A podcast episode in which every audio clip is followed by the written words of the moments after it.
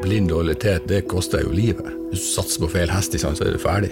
Om jeg velger den siden eller den siden, det kan skifte fra uke til uke. Det Det handler bare om å være i livet. Det tok litt tid å forstå hvordan det der fungerer.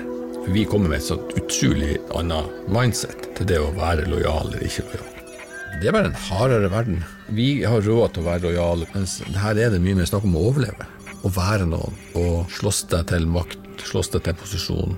Så vi gjør jo det, vi òg. Det ser bare annerledes ut når det handler om liv og død. Du hører våre historier, og i denne sesongen tar vi deg med inn i etterretningens verden. Det som gir meg mest verdi, det er å forstå makt. Forstå hvem som har makt. Har du ikke noe makt, da er du slave, eller eh, noen som bare overlever. Nei, uten makt er du svært liten.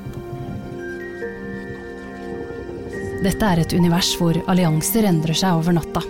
Og hvor det bildet du hadde i går, kanskje ikke er det samme når du våkner neste dag. Og vi tidlig får en sånn dårlig følelse. Det her er noe galt. Og han er veldig påståelig og vil treffe, og påstanden har noe til oss som er viktig. Vi blir bare sikrere og sikrere på at det er noe muffens her. da. Hele denne magefølelsen som kommer ulme ordentlig. I disse episodene tar vi deg gjennom hele etterretningskjeden. Fra et spørsmål blir stilt, til det ender på bordet hos den som skal ta avgjørelsen. Men det er vanskelig å gripe tak i det. Det er litt sånn å prøve å spikre tåka på veggen. Og tvil er en ganske sånn sterk følelse. Hvis du lar tvilen komme, så er den sterk. Det er et jag. Da må du grave og grave og grave og aldri, aldri slutte å søke det. Ikke dvele ved det gamle. Gå videre. Og så er det alltid et spørsmålstegn for det mennesket vi jobber med. Og det er ikke alltid at det mennesket gjør, er logisk. Det er en sånn mental sjakk. Hvor stor sannsynlig er det for at dette her stemmer? Hvor sannsynlig er det at det han sier, er rett? Det er dans, helt klart. Våre historier er en podkast av Forsvaret. Jeg heter Hanne Marie Maugesten, og dette er del to av fem i serien om etterretning. Episode to Hvor skal vi lete? Jeg har snart brukt 20 år av livet mitt på å ikke si hva jeg jobber med. Så er det veldig rart å sitte her og snakke om det. Det er det. Det er litt sånn at det, det lugger litt. Så det, det er rart. Skikkelig rart. Kona hans vet det. Barna er litt små. Noen få nære venner vet hva han jobber med. Men til å begynne med så brukte jeg jo en del tid på det å finne ut hvem kan jeg, hvor langt kan jeg slippe dem inn på meg. Hva kan jeg si, og hva kan jeg ikke si. Du hører stemmen til Markus, som jobber i Etterretningsbataljonen i Hæren. Han er såkalt skjerma personell, og det vil si at det kun er noen få som vet hvor han jobber.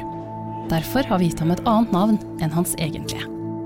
Jeg tok en jobb som jeg egentlig ikke helt visste hva var for noe. Og så etter hvert som jeg kom inn i den, så merka jeg jo det at dette er en livsstil. Det å gå på fest eller være i en eller annen sosial setting og måtte vurdere klientellet.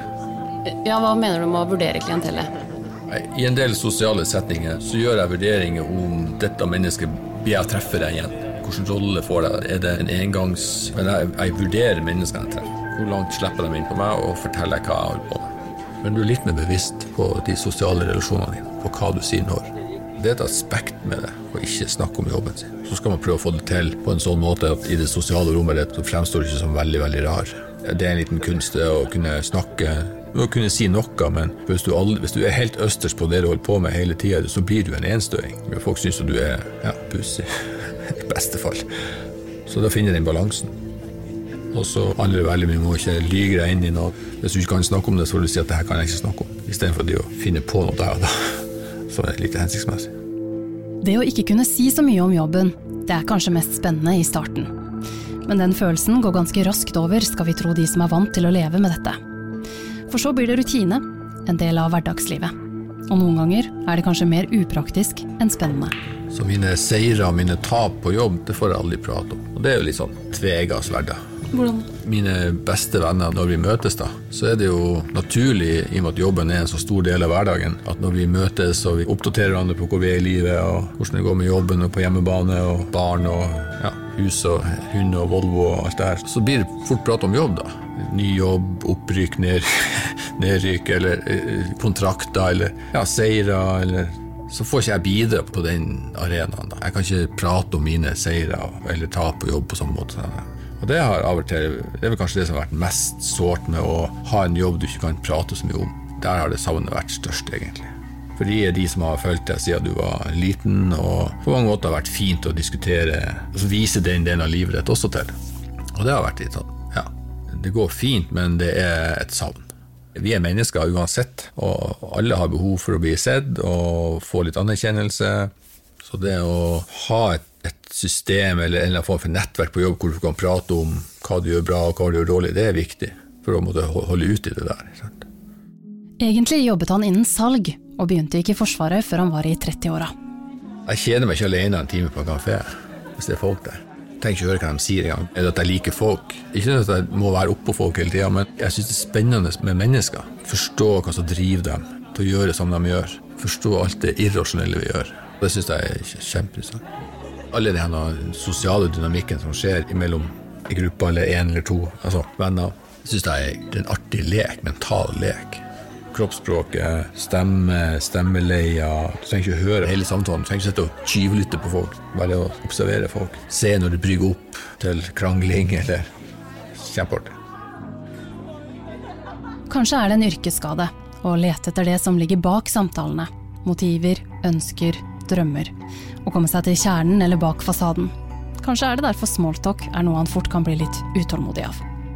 Altså Folk som tegner det perfekte bildet av seg sjøl og verden de lever i, det har jeg lite tålmodighet for. Folk som tydelig lever i en livsløgn. Ingen refleksjon om hva de egentlig er. Det har jeg ingen interesse for. Hvorfor ikke? Jeg liker ærlige mennesker. Jeg har sant for det. For jeg vet hvor vanskelig det er å være det. Jeg har jo et sånt bilde av å våkne tidlig av en av bønneropene tidlig på morgenen halv fem-fem-tida. Og da starter det egentlig. Og da er det ut. Maimane, nord i Afghanistan. Masse liv i gaten, masse folk, boder langs veiene. Folk kunne komme inn med en hest og ei vogn, eller et esel og et vogn med hva enn de hadde å selge. Yrende liv, egentlig. Det er nå det begynner. Jakten på svarene, på alt det som ikke er svart-hvitt. Den sannheten du kommer med, den varer bare til landingshjulene treffer asfalten på flyplassen din, og så du, begynner du med noe helt nytt, nesten. Lag på lag med aktører og allianser. Kultur og rutiner konflikter og gammel historie. Gatebildet ser veldig annerledes ut. Hvis det er et bolighus, så er det en mur foran, så du ser ikke inn. Du ser ikke inn i hagen til folk. Så hjemmet er på en måte innmura, så det ser du ikke. Det er det private. Se for deg ditt eget nabolag. Du vet hvem som bor hvor, og hvem som bor sammen med hvem. Og hvis du tenker deg om, så vet du kanskje også hvem som er best likt, eller hvem som prøver å imponere hvem. Disse tingene vil du kunne svare ganske kjapt på bare ved å se deg rundt fordi du er hjemme. Når norske styrker reiser ut, kaller de gjerne operasjonsområdet for teatret. Å forstå teatret er litt som å forsøke å forstå nabolaget. Men et ukjent teater er mye vanskeligere å forstå enn et teater eller nabolag hvor du er kjent, snakker språket og kan alle de uskrevne reglene. Og derfor må Markus og de andre begynne mye mer på null når de nå ser seg rundt i gata relativt lite plasser hvor vi kunne gå og sette oss og være sammen med dem. Og få en feeling av å gå på altså, Det er ikke en typisk kafé du kan gå og sette deg på og bare se på bylivet. Så det var vanskelig å bare sitte i gata der og være en sånn passiv observatør av, av det bylivet. På overflaten et yrende byliv, esler og salgsboder. Folk som kommer ut fra murportene, folk på vei til og fra. Det bildet du har med deg hjemmefra, er alltid, om ikke feil, men delvis feil. Bakenfor gatebildet. Håndtrykk, allianser, intensjoner. Koder og kodekser du ennå ikke helt forstår. I 99 av 100 tilfeller så ser du at situasjonen er mye mer kompleks. Det er mange, mange flere nyanser. Konflikten har flere parter. Dersom du overhører en samtale på gata og gjenforteller den, så er ikke det etterretning. Det er bare rådata, informasjon eller et rykte. Etterretning det har du først når noen med fagkompetanse har gjort en vurdering og analyse av det som har blitt henta inn. En etterretningsprosess er derfor ganske omstendelig og består av flere ulike faser. Hvis det er en liten snutt av informasjon som sier at det du har nå, det er feil, så må du ta den. Og så må du undersøke hva det er for noe. Så det å være påståelig eller innta noen sannheter eller det må være sånn og ikke sånn, det er livsfarlig. Det har ikke, ikke plass. Hvorfor er det livsfarlig?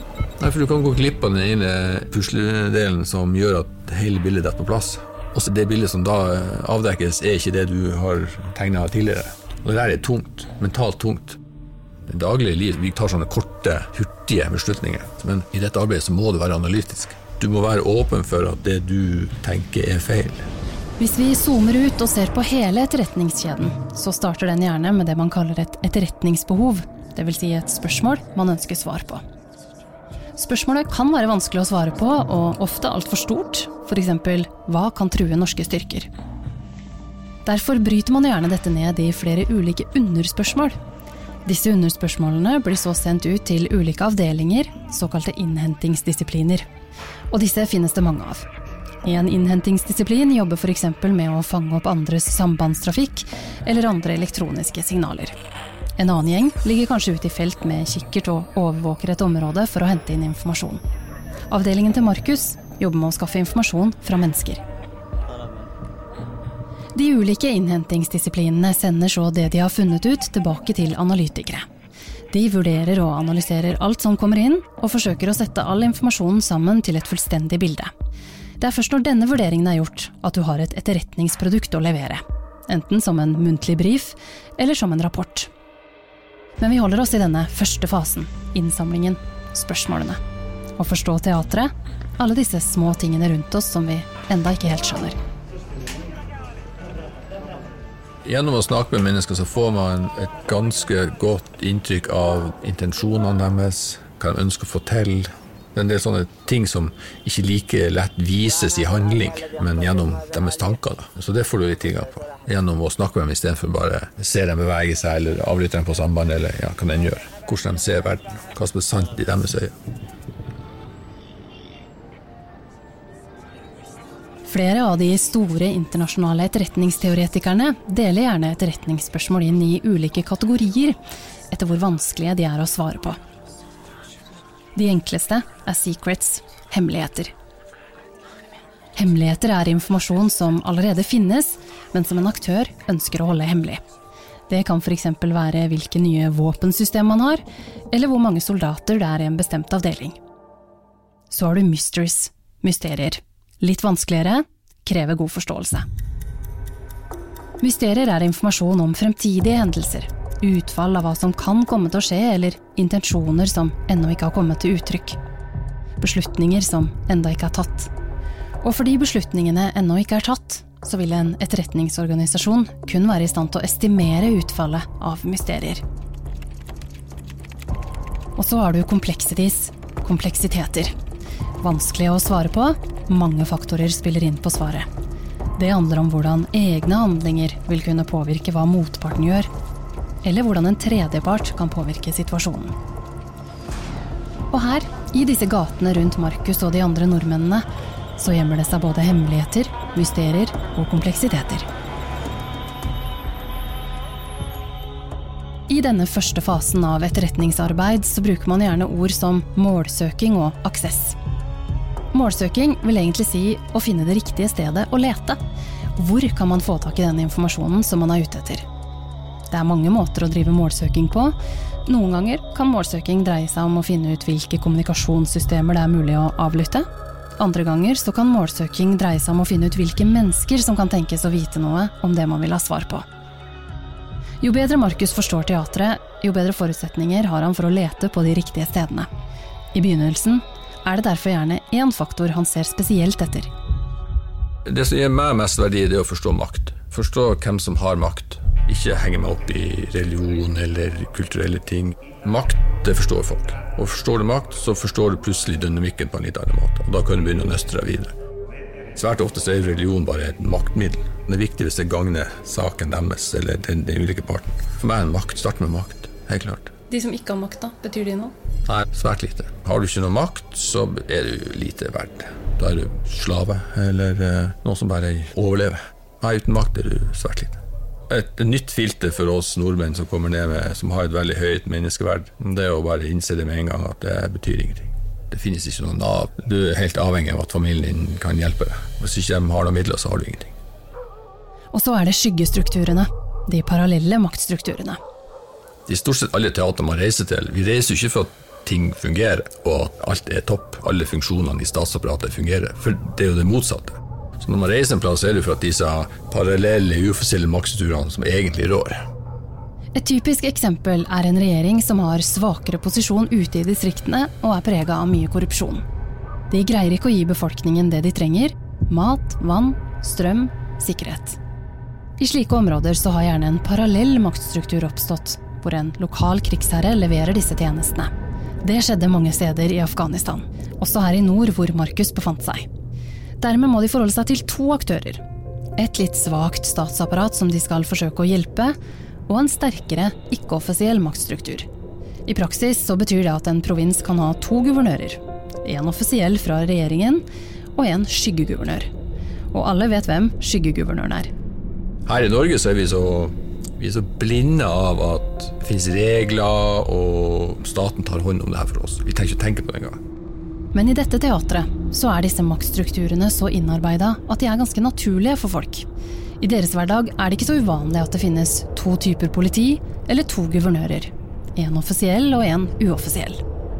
Skal du forstå teatret, så må du kjenne begge to. Han som har makt på papiret, og han som har den reelle makta. Vi skjønte det når vi så måten de beskrev det på sjøl, og begrepsbruken. De kalte det for skyggeguvernør. Han som var ansvarlig for økonomi, og han som var ansvarlig for beskatning, og ofte religiøse spørsmål og det var en som hadde ansvar for. Ikke? Hvorfor velger de å holde med en skyggeguvernør fra Taliban, når det også finnes en offisiell guvernør fra regjeringa? For lokalbefolkningen i dette teatret så handler det ikke så mye om å velge mellom to ideologier, eller å velge mellom en snill eller en slem aktør. Her er hverdagen tøff. Det er bare en hardere verden. Så klart, det er hard beskatning. Det er det uansett hvem som sitter og lever. Bestikkelser, korrupsjon. Så vi ser på det her som noen fyting, men det er bare en måte å leve på. Den ene dagen er det politiet, den andre dagen altså, Vi klarer ikke Enten er det politi eller det er ingenting. Vi, vi er liksom én eller null her. Men det der eh, tar litt tid å skjønne.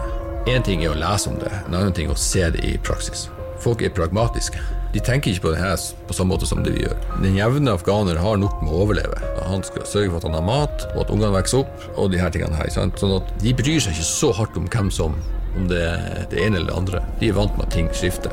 De forholder seg til det. Og hvis den som kan levere disse tjenestene, får det til å fungere, så er de fornøyd med det. Så tenker man at når det er en skyggestruktur, så fungerer det ikke, men det gjorde det. Absolutt. Det Taliban forsøkte å gjøre, var jo å undergrave statsapparatet og så skaffe et eget. Og det fikk de jo til mange plasser. De klarte å fremstå som en legitim aktør. For å være en legitim aktør i en sånn konflikt som man hadde i Afghanistan, så holdt det ikke bare å være opprører. Du må tilby det staten òg tilbyr. Du må tilby ledelse. Du må tilby utdanning og helse, alle disse tingene. Konfliktløsning. Du må ha justis. Du må ha alle disse tingene som gjør at et samfunn fungerer. Rettergang, f.eks. Det så de raskt at Taliban tilbød i teatret. De var jo en effektiv dommer, for en og samme person var jury, dommer og bøddel. Liksom. Sånn at det var effektivt. Det var ikke noe slinger i valsen. Det var ikke samme grad av eh, bestikkelser, kanskje. De hadde et apparat som fungerte. Det var ikke noen tvil om. Skyggestrukturen blir altså noe av det Etterretningsbataljonen må forholde seg til for å forstå teatret. For oss så er det viktig å beskrive den, for det er en aktør. Definitivt. Og det er et system de har, så det må du forstå. Så du må vite hvem som setter disse funksjonene. Og, så vi brukte ganske mye tid på å beskrive det. Hvordan de ble selektert eller lukka ut til det. Nye valg kunne òg fortelle en del. Så man skifta ut en skyggeguvernør til en som var mer ekstrem, som vi visste var villig til å bruke vold og ikke var spesielt populær hos de lokale eldrerådene f.eks. Så skjønte vi at det betydde noe. Her skulle det gires opp. Nå skulle man øke voldsbruken. Det betydde noe. Når vi hørte at man har bytta ut skyggeunør i dette området her, ok, nå kommer det. Helt sikkert. Så man kunne egentlig si noe om den neste perioden, bare med å skjønne at de bytta ut en skyggeunør med en til en annen. Så det er den type informasjon du får gjennom å forstå hvem er hvem, men også hvem som blir valgt. Hva det får av ringvirkninger. Du kan si at det var relativt lett å finne ut hvem de ulike kommandantene var.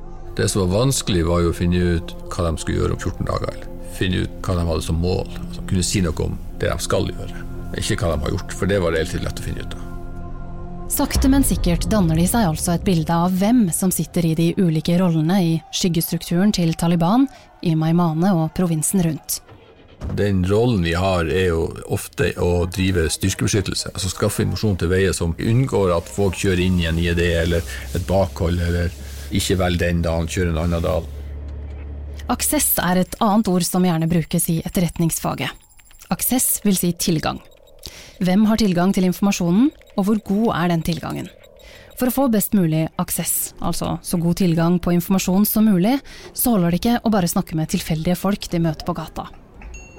Hvis du skal vite noe om fienden, så må du prate med fienden. Hvis du skal forstå organisasjonen, hvordan han er satt sammen, forstå hva de tenker, se på verden rundt seg, så må du snakke med dem for å virkelig få tak i den kvaliteten. Så du er litt avhengig av det. I denne første fasen når man jobber med Aksess, så er det ikke sånn at man bare kan samle inn alt man vil om hvem som helst. Alle som jobber med etterretning i Forsvaret må følge noen etiske retningslinjer. F.eks. så skal man alltid vurdere hvilke konsekvenser etterretningsaktiviteten har for enkeltmennesket, for operasjoner eller rent politisk. Alt det de gjør nå, må være relevant, nødvendig og proporsjonalt med det spørsmålet eller etterretningsbehovet som de forsøker å løse. Og det vil si at de menneskene som Markus og de andre snakker med, må være folk som er relevante. Det må være folk som kan tenkes å ha den informasjonen de er ute etter. Og det er gjerne folk tett på eller i skyggestrukturen. Så du må inn i det rommet der. Du må inn i de som er nært disse prosessene eller en del av den prosessen. Og de menneskene er ressurssterke. De er vinnere. Så det er ganske oppegående folk. Og de har levd et liv hvor de sterke overlever. Så hvis du ikke er slu og sterk og rå, ja, så kommer du ikke frem. De kan game. Ofte er det sterke personligheter, ofte alfahanner. Spesielt i disse harde konfliktområdene hvor vi snakker om terrororganisasjoner. At de har en agenda som ikke nødvendigvis er helt lik din, og det du ønsker å fortelle, det er innlysende. Og det er noe man må være bevisst på hele veien. Vi bruker mye tid på å forstå de vi snakker med, om hva vil de ha ut av dette her, hva de ønsker å få til. Det må du ha kontroll på. Du skal få vite mer om hvem disse menneskene er senere.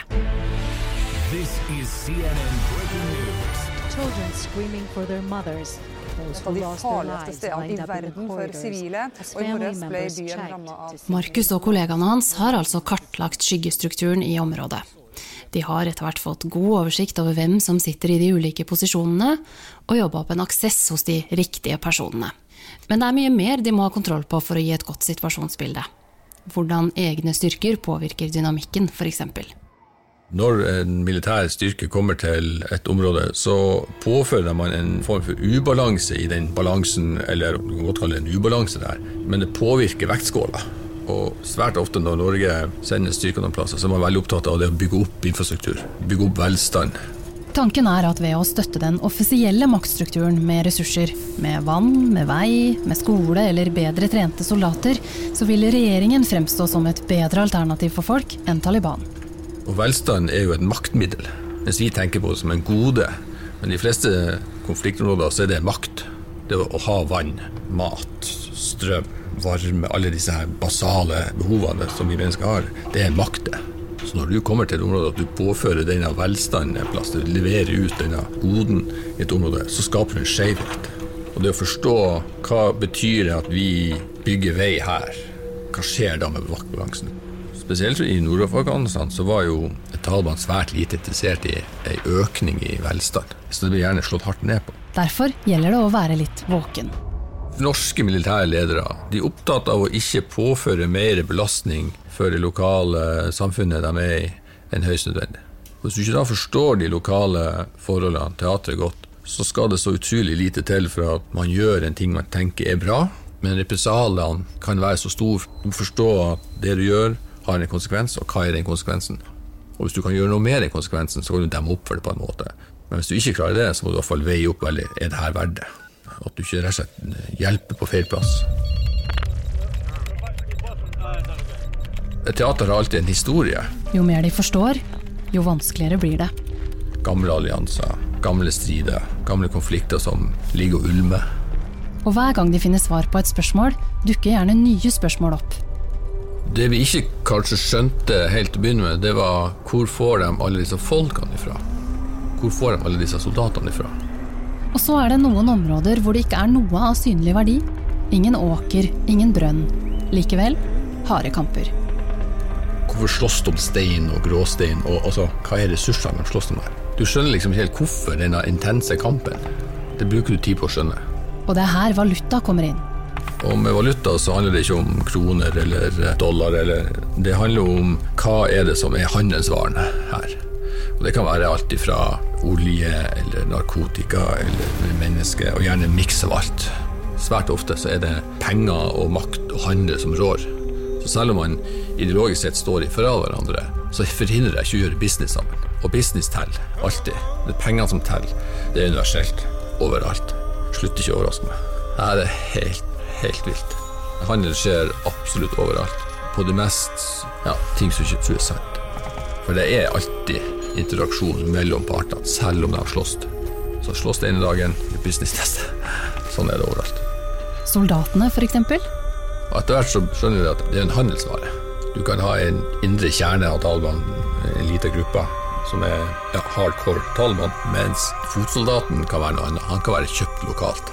Så de som slåss, trengte ikke å være Taliban i, i, i hjertet, mens den indre kjerna der var det. Og så hyrer de inn folk. Hvorfor er det en viktig forskjell, da? Ja, Det er vilje til å ta risiko, kanskje spesielt. De fleste som kom på et visst nivå, de var ofte troende i saken. Mens mange av de som var soldater eller kommandanter på lavere nivå, de var litt mer pragmatiske til. Om det var Taliban eller andre, det hadde ikke noe å si. Og så er det en annen valuta de ikke kommer utenom, og den er altomfattende. Narkotika er jo en av de store valutaene i Afghanistan. Det er ikke noen tvil om. Det aller meste av heroin som produseres i verden, kommer fra Afghanistan. Det er sånne enorme summer, vi klarer ikke å forstå det engang. Det er litt sånn som du hører om Escobar og Colombia og, og, kokain.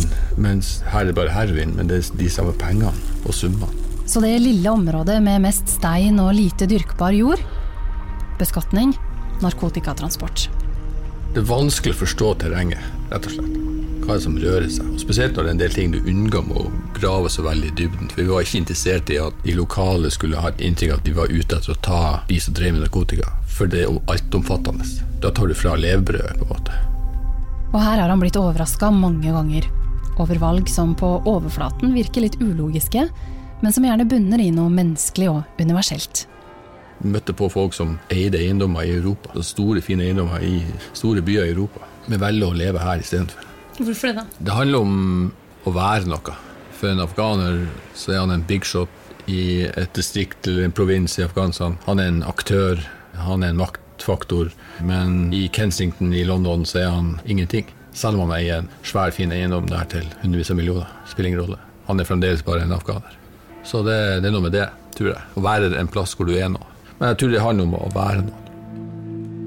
Der har du altså teatret. Lag på lag med aktører, konflikter, historie, kultur og koder. Hemmeligheter, mysterier og kompleksiteter. Men etterretning handler ikke bare om å forstå teatret. Noen ganger handler det også om å varsle. Og da kan det stå om liv eller død. Når vi kom inn i 2009, så ser vi at det hardner ordentlig til. Det var et klart tøffere miljø å operere i, uten tvil. Sikkerhetssituasjonen var ordentlig på tur nedover. Og vi var bekymra for hvor det her skulle hende. Definitivt. I neste episode. Det å se dem kjøre ut Det gjorde meg jo noen tanker. Ser jeg dem igjen? Ser jeg dem igjen eller ikke? For han som ringer, er jo en motstander. Han er jo en del av Taliban, altså en Taliban-kommander. Og det gjør jo at du står i et dilemma. Det er jo et bra tips, hvis det er rett. For vi lurer på hva han vil, og er jo øyeblikkelig opptatt av om vi kan stole på Du har hørt del to av fem i serien om etterretning. Våre historier er produsert av Forsvaret. Intervju, manus og fortellerstemme er av meg, Hanne Marie Maugesten. Produksjon og lyddesign er gjort av Jørgen Bergsund. Takk også til Kristine Hellesland, Fredrik Tandberg, Truls Rakfjord, Fredrik Milde, Line Bie og Frank Sølvsberg.